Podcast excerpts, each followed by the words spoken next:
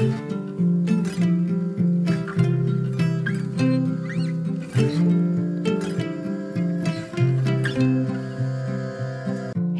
och välkommen till For Health med Anna Sparre. Frågor och svar om huden med Kristoffer Genberg. Här tar vi upp saker som akne, rosacea, solskydd, hårborttagning och lite annat. Hur påverkar egentligen hårborttagning din hud? Och vilken hårborttagningsmetod är den bästa? Är CBD lagligt i hela världen? Och vad tycker Kristoffer om solskydd? På nytoteket.se får du hela 20% rabatt på allt med koden SPARRE20. Jag använder själv bland annat bärpulver, C8 och MCT-olja från Nytoteket. och de har även kollagen och benbuljong. Biohacking Collective gör snygga, effektiva blåljusblockerande glasögon och rödljusterapi med rött och infrarött ljus. Vi utsätts för en stor del blått ljus framför skärmar och i annat onaturligt ljus. Detta kan störa vår sömn och påverka vår hälsa. Hjälp din kropp med rödljusterapi och genom att blockera blått ljus. På biohackingcollective.se får du 15% rabatt med kod SPARRE. Håll utkik efter kommande podcastavsnitt om vikten av rätt ljus och hur du biohackar din hälsa med ljus. Jag finns på facebook.com forhealth.se och på Instagram som asparre. För att kunna producera en gratis podcast så behöver jag din hjälp att hålla den synlig. Gilla inläggen när de dyker upp i sociala medier och dela gärna med dig av avsnittet i en Facebookgrupp, på Instagram och till vänner. Och gå in och lämna din recension av podcasten i din podcastapp. Tusen tack! På forhealth.se hittar du mina e-böcker och du kan gå min distanskurs om du vill få grunderna kring kost, hälsa och viktnormalisering. Och så kan du boka mig som föreläsare, både online och på plats. På forhealth.se kan du även anmäla dig till nyhetsbrevet som kommer ungefär en gång per månad. Hej igen Kristoffer! Hej Anna! Vi fick ju lyssnarfrågor efter vårt första avsnitt, avsnitt 330, som handlade om huden, hur huden fungerar, hudens evolution och dess koppling till just det endokannabinoida systemet som vi då har pratat ännu mer om. Yes. Då kom en hel rad med lyssnarfrågor och jag tänkte att vi ska ta de vanligaste här. Kul! En fråga som kom upp är hur kan jag på bästa sätt förbättra min huds endokannabinoidsystemfunktion? Det är en extremt bra fråga och eh, det finns ju en rad olika sätt man kan göra det på. Först och främst, det som är absolut viktigast, det är träning. Träning, träning, träning. Motion. För att motion bygger både våra anandamide och 2-AG endokannabinoider som är jätteviktiga för att få en god funktion i endokannabinoidsystemet i huden. Så träning, probiotikatillskott, ta en mängd olika probiotikatillskott med olika bakterier, örter, tillskott, alltså svartpeppar, kummin. Försök få i så stor näringskedja som möjligt. Trä, eh, sömn, sova, sova, sova. Sju timmar per natt minst i ihållande sömn. Kan man få till det så är det fantastiskt bra för huden. Minska stress. Stress gör oss väldigt, väldigt dåliga när det kommer till det här i huden. Vi måste få ner stressen. För får vi ner stressen så kommer vi också få en bättre hudhälsa. Och sist men inte minst, med risk för att låta lite partisk, använd fytokannabinoidvänlig hudvård, CBD, CBG i hudvård. Och de här tipsen som du sa nu, om man vill fördjupa sig i varför de funkar så kan man ju då lyssna på vårt första avsnitt 330 och vårt andra avsnitt om endokannabinoidsystemet som helhet i 333. Ja. Nästa fråga är Hjälper CBD mot rosacea? Det här är, har varit den frågan som har varit absolut mest frekvent som jag fått efter vårt första avsnitt. Och den är väldigt svår att besvara. Men jag tänkte besvara den på det sättet som jag brukar göra.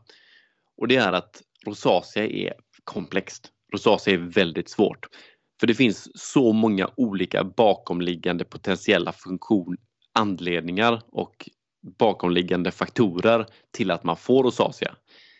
En relativt ny men ändå väldigt trovärdig anledning det är att man har en överpopulation av en svamp som heter candida i tarmen och också potentiellt på och i huden. Det vill säga att den här svampen tar över och det i sin tur skapar då rosacea. Man kan också koppla rosacea till att vi har en bristande funktion i vårt immunsystem. Eftersom det bara är läkemedelsklassade preparat som får på något sätt claima att man har en funktion mot en hudåkomma så kan man inte säga någonting om att det här skulle kunna hjälpa överhuvudtaget mot varken akne eller eksem eller rosacea. Men det vi vet det är att rosacea är direkt kopplat till en bristande funktion i vårt immunsystem och att det är en överpopulation av en patogen. Och sen får man dra sin egen koppling till att eh, det skulle funka eller inte med fytokannabinoid hudvård. Jag tänkte bara, jag tror faktiskt inte att alla känner till vad rosacea är. Kan vi kort beskriva det också? Rosacea är ofta när man får en rodnad. Det ser ut eh, nästan som, som eh, akne fast utan alla finnar. Det blir rött och svider och är allmänt bara väldigt känsligt på framförallt kinderna. Precis, alltså för att det jag undrar bara, många får ju de här typiska rosacea-utslagen fast på armarna. Har du sett det någon mm. gång? Är det också rosacea eller är det något annat? Mm, jag tror fortfarande att det klassificeras som rosacea. Jag har inte hört att det finns något annat ord för det faktiskt. Jag hade lite sånt på armarna så länge jag åt gluten och sen mm. försvann det. Ja, det är inte helt ovanligt. Nej. Och nästa fråga apropå vad du sa nu. Hjälper CBD mot akne? Akne är också väldigt intressant. Där har man kommit längre och där vet man ju till stor del vad det beror på, i alla fall delvis. Och en av de största faktorerna till att man får akne, det är ju att du har en överpopulation av en bakterie som heter QT Bacterium acne. Den hette tidigare P. acne, men de bytte namn på den för att de tyckte att det var kul. Så att QT Bacterium acne som är en bakterie som vi naturligt har på och i huden. Alla människor har den. Den tar över ett område på och i huden och då så skapar det akne. Och en av de största faktorerna, en av de största anledningarna till varför den här bakterien kan ta över ett område, det är för att vi har för dålig och för stor sebumproduktion. Så om vår våra talgkörtlar producerar för mycket sebum och för dålig sebumkvalitet så kan den här, de här oljorna att ätas av den här bakterien och det i sin tur leder till att den tar över. Om man har en bra sebumproduktion med bra sebumkvalitet och en lagom sebummängd så kommer sebumet att användas som mat av en mängd olika mikrober. Så att en av grundbultarna till att minska akne det är att få en balanserad sebumproduktion. Återigen som vi nämnde i förra svaret så eftersom det inte är läkemedelsklassat så får jag inte ge några direkta besked att det plötsligt skulle kunna hjälpa utan det är bara läkemedelsklassade preparat som kan på något sätt lindra hudåkommor när vi bor i Sverige. Diplomatiskt svar. jag måste vara diplomatisk. Där. Ja, såklart. Nästa fråga som jag tycker ändå att vi, nej det kanske vi inte besvarade i 333, utan är CBD lagligt i hela världen? Nej. CBD är inte lagligt i hela världen. Det finns jättemycket olika lagstiftningar och man, om man ska resa utomlands med kanske både då oral CBD eller CBD i en kosmetisk produkt så ska man kolla upp innan om det är tillåtet i det landet man åker till. Jag vet exempelvis av en ren slump så var det en person jag pratade med som skulle åka till Maldiverna och Maldiverna har en nolltolerans mot CBD. Så där får man inte ha CBD-produkter alls. Så att det är viktigt fortfarande att man kollar på lagstiftningen i varje respektive land generellt sett i Europa, i EU, så är CBD helt lagligt. Så att då, om jag till exempel har då med mig hudvård med CBD mm. som er produkt till exempel, mm. att mm. då måste jag kolla upp så att jag får ta med den på min resa. Ja. Var kan jag hitta fler studier om endokannabinoidsystemet? Det finns så mycket goda, goda, goda godingar när det kommer till studier kring det här. Om man är nördig så finns det jättemycket att läsa om. Jag har sparat ner några av mina favoriter. Det är en ganska stor mängd eh, källor som man lättast hittar på vår hemsida.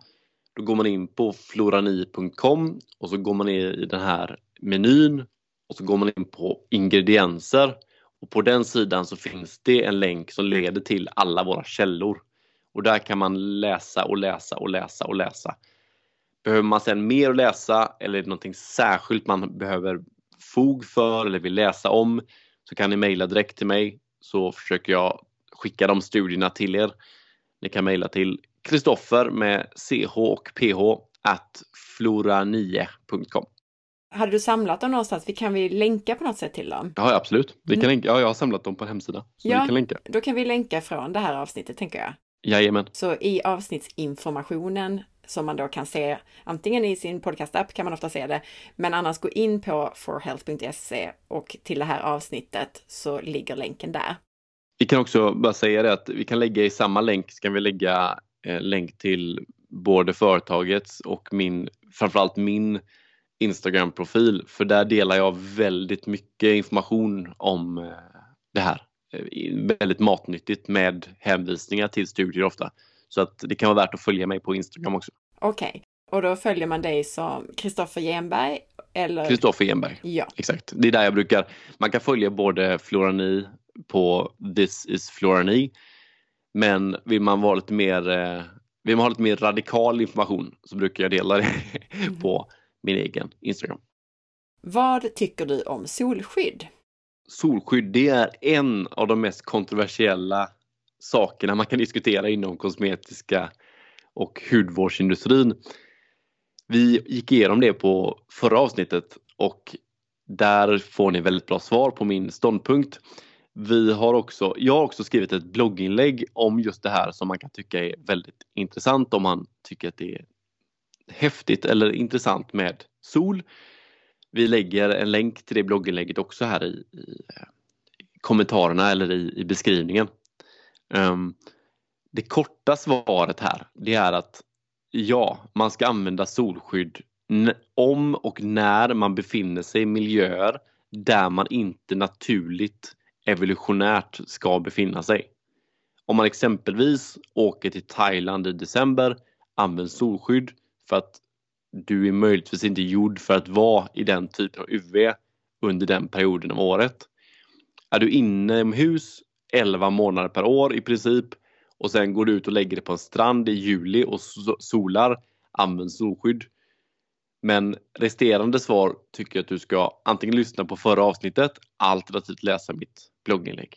Just det, alltså vårt första avsnitt 330, där berättar du väldigt ingående om hudens evolution i förhållande till det här med solskydd. Jätteintressant, så lyssna där om det. Och så lägger vi då en länk till ett blogginlägg som du har skrivit om detta i avsnittsinformationen igen då till det här avsnittet. Ja. Perfekt.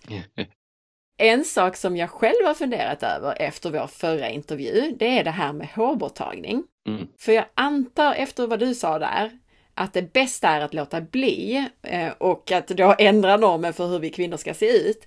Men jag själv rakar ju till exempel gärna benen. Mm. Och baserat på det du berättat om den viktiga funktionen om sebum och hur vi mm. kan typ bara skölja av det med om vi duschar för varmt och så vidare. Så utgår jag ifrån att det inte är någon höjdare att sätta på rakskum och sen skrapa huden med rakhyvel innan man sköljer bort alltihop med varmt vatten. Det är en exceptionellt dålig idé från ett mikrobiellt perspektiv. Mm. Det, det, här är en som, det här är jättesvårt för att eh, eftersom hela vårt samhälle har byggt någon form av ideal att framförallt kvinnor ska ha mindre behåring på ett ben exempelvis så blir det här eh, väldigt klurigt. För att vi har hår av en anledning och när man adderar exempelvis då många rakgel som säljs det finns många olika utmaningar med dem ingrediensmässigt. Men som du säger, när man både då rakar med rakapparat eller rakhyvel så får man ju bort i stor del sebummet och du kan också skada mikroberna på huden. Och sen när man då tar bort det med varmt vatten så rinner det bara rakt ner i golvbrunnen eller i handfatet eller vad det nu kan vara. Så att det här är en väldigt klurig fråga för att det finns någon form av praxis i samhället idag och det skadar hudens hälsa. Så att jag har inget bra svar. Det bästa svaret är raka det inte. Men å andra sidan så finns det ju också en någon form av norm som, som man inte kan undvika i många fall. Så att det finns inget bra svar. Men om vi säger så här då, vilket är det bästa sättet om man vill ta bort kroppsbehåring? Då skulle jag säga att använda en så naturlig rakgel som möjligt. Helst typ en som det ska vara så lite lödder som möjligt. För ofta så när man använder löddrande ingredienser så har de en skadlig effekt mot mikrobiomet. Men så lite lödder som möjligt men som ändå då funkar som rakgel. Och sen inte skölja av med varmt vatten utan använd ljummet vatten eller kallt vatten för att minska att sebumet smälter och rinner bort. Så naturlig produkt att raka sig med. Använd ofta en väldigt skarp rakhyvel. Försök att inte använda allt för gamla för att så länge du har väldigt vassa knivar så har du en mindre påverkan förmodligen på eh, just sebumet och mikroberna på huden. Och sen skölja av med ljummet eller kallt vatten. Ja just det, för man skrapar liksom inte lika mycket om det bara skär av direkt, om den är skarp. Nej, exakt. Jag tänker, eh, om jag då har använt ett rakskum som inte är så bra för huden, måste jag inte ha ganska varmt vatten för att få bort det? Eh, nej, skulle jag inte tro. Jag, jag, när jag rakar mig i ansiktet så använder jag eh, faktiskt en, en produkt från mitt tidigare bolag, eh, Esse Probiotic Skincare, deras gel cleanser. Och den är superbra faktiskt. Eh, den är inte optimal. Det är inte bra raka sig generellt. Men den är så bra det går att bli egentligen. Mm. Eh, men generellt sett så man får bort det med även ljummet eller kallt vatten. Då har vi nästa produkt för ditt företag eh, mm. att ta fram då, eller? ja, exakt. Nej, men, ja, så här, rengöring överlag. Rengöringsprodukter, alltså ansiktsrengöringar, makeup removers, peelings. Det som ska quote on quote rengöra huden är en av de största bovarna när det kommer till att både minska sebumproduktionen eller rättare sagt minska sebumkvaliteten, skrubba av sebumet, skrubba av mikroberna och skada huden. By far. Det finns inga andra produkter som har samma negativa skadliga påverkan på huden. Det jag håller på att göra och det som ingen har gjort än så länge vad jag har hittat det är att ta fram en makeup remover som tar bort makeup. Kanske också då möjligtvis funkar för att raka ben eller liknande. Men som inte skadar varken mikrobiomet eller tar bort sebumet. Och det här är jättesvårt och det ska heller inte påverka endokannabinoidsystemet på ett negativt sätt. Jag håller på, jag tror jag hittat en lösning. Eh, jag kan inte säga så mycket om det ännu men jag tror om jag inte är helt fel ute, vi har fått hem prover på en produkt och min kära fru har testat den och den är väldigt, väldigt bra. Nu ska jag bara se till att den inte har någon av de negativa effekterna som jag inte vill ha. Men det är svårt. Nu tänker jag också då eh, andra, helt andra saker än att raka. Så jag tänker vaxa eller mm. eh, liknande. Jag hade, vad heter en sån epilator hade jag för länge, mm. länge sedan när jag var typ 20. ja. Som drar ut håren. Alltså är det bättre då eller? Eh, nej. nej, det skulle jag inte säga. Epilat, så här, eh, epilator, dilemmat är när du drar ut hårstrå, eh, sebum, så här, sebumet produceras av talgkörtlarna och talgkörtlarna sitter ofta i samband med våra hårsäckar. Och dilemmat är att de här sitter och jobbar väldigt tätt tillsammans. Så om man drar ut ett hårstrå så kommer det ha en påverkan även på talgkörtlarna. Och det kan bero på massa olika, eller det kan ha massa olika eh, negativa effekter, det kan bli konsekvenser som man inte riktigt förstår. Exempelvis så kan det triggas så att man får en högre sebumproduktion. Exempelvis, du kan få inåtväxande hårstrån. Du får en obalans helt enkelt. Vaxning. Jag har inte läst, nu satte jag mig lite på pottkanten, för jag har inte läst någon studie kring hur vaxning påverkar endokannabinoidsystemet. Men rent, jag skulle tro att det inte har en speciellt positiv effekt på varken mikrobiomet eller endokannabinoidsystemet. Och det är ju samma sak där som en epilator, att man sliter ja, ur håren exakt, och hårsäckarna. Exakt, ja. och då, då påverkar det talgkörtlarna och det är inte bra. Har du koll på sådana här mer kemiska hårborttagningskrämer? Jag gissar att de är jätteskarpa och dåliga, men ja. hur får de bort hår? Alltså är det också i hårsäcken? Som de... Ja, ja det, alltså, det finns jättemånga olika sätt att göra det där på, men det, det kan vi säga så här att jag har sett ingrediensförteckningen på de typerna av produkter och där snackar vi det är inte optimalt kan vi säga. Det, det, är eh, långt ifrån optimalt. Det, ja. Ofta så innehåller de så pass starka konserveringsmedel också så att det, det, de, konserveringsmedel är ju också en bov. Konserveringsmedel är ju generellt sett till för att hålla borta onda bakterier från en produkt så att den inte möglar. Det är därför typ vissa hudvårdsprodukter har så här 10 års hållbarhet. Typ. Um, dilemmat är att när du adderar ett starkt konserveringsmedel som har som syfte att hålla borta onda bakterier från en produkt på huden så kommer den fortsätta döda bakterier på huden. Och många av de produkterna som du pratar om där nu har extremt starka konserveringsmedel. Och jag tänker bara, bara grejen att en kräm kan få håret att bara falla av. Det Dålig idé. låter som att liksom, det borde vara massor med så här röda kors på det. farligt, farligt. Det tyckte jag summerade de vanligaste frågorna och eh, förhoppningsvis hör vi dig snart igen i ett avsnitt, kanske på temat hudens mikrobiom. Det gör vi. Jag ser fram emot det. Tusen tack för idag! Tack så mycket! På temat solljus och solskydd, lyssna även på avsnitt 98, Solljus mer än bara D-vitamin. På naturshoppen.se får du 15% rabatt med koden SPARRE. Naturshoppen har produkter från mindre tillverkare som varsamt tar hand om råvarorna med fokus på whole foods och minimering av tillsatser. Där hittar du bland annat torskleverolja, kapslar med lever från gräsbetesdjur, talg, vitaminer, mineraler och Europas enda leverantör för RCP-protokollet. Jag hoppas att du gillade avsnittet. Dela med dig av det så att fler får ta del av det. Du hittar en beskrivning av alla avsnitt på forhealth.se podcastregister.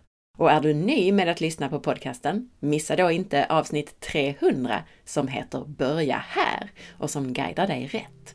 Följ med på facebook.com forhealth.se där du kan hitta avsnittsinformationen till det här avsnittet som du kan dela och där du flera gånger i veckan hittar nya hälsotips. Och glöm inte att lämna en recension i din podcastapp Följ också mig på Instagram via asparre och titta in på bloggen på forhealth.se. Ha en fantastisk dag! Vi hörs snart igen. Hejdå!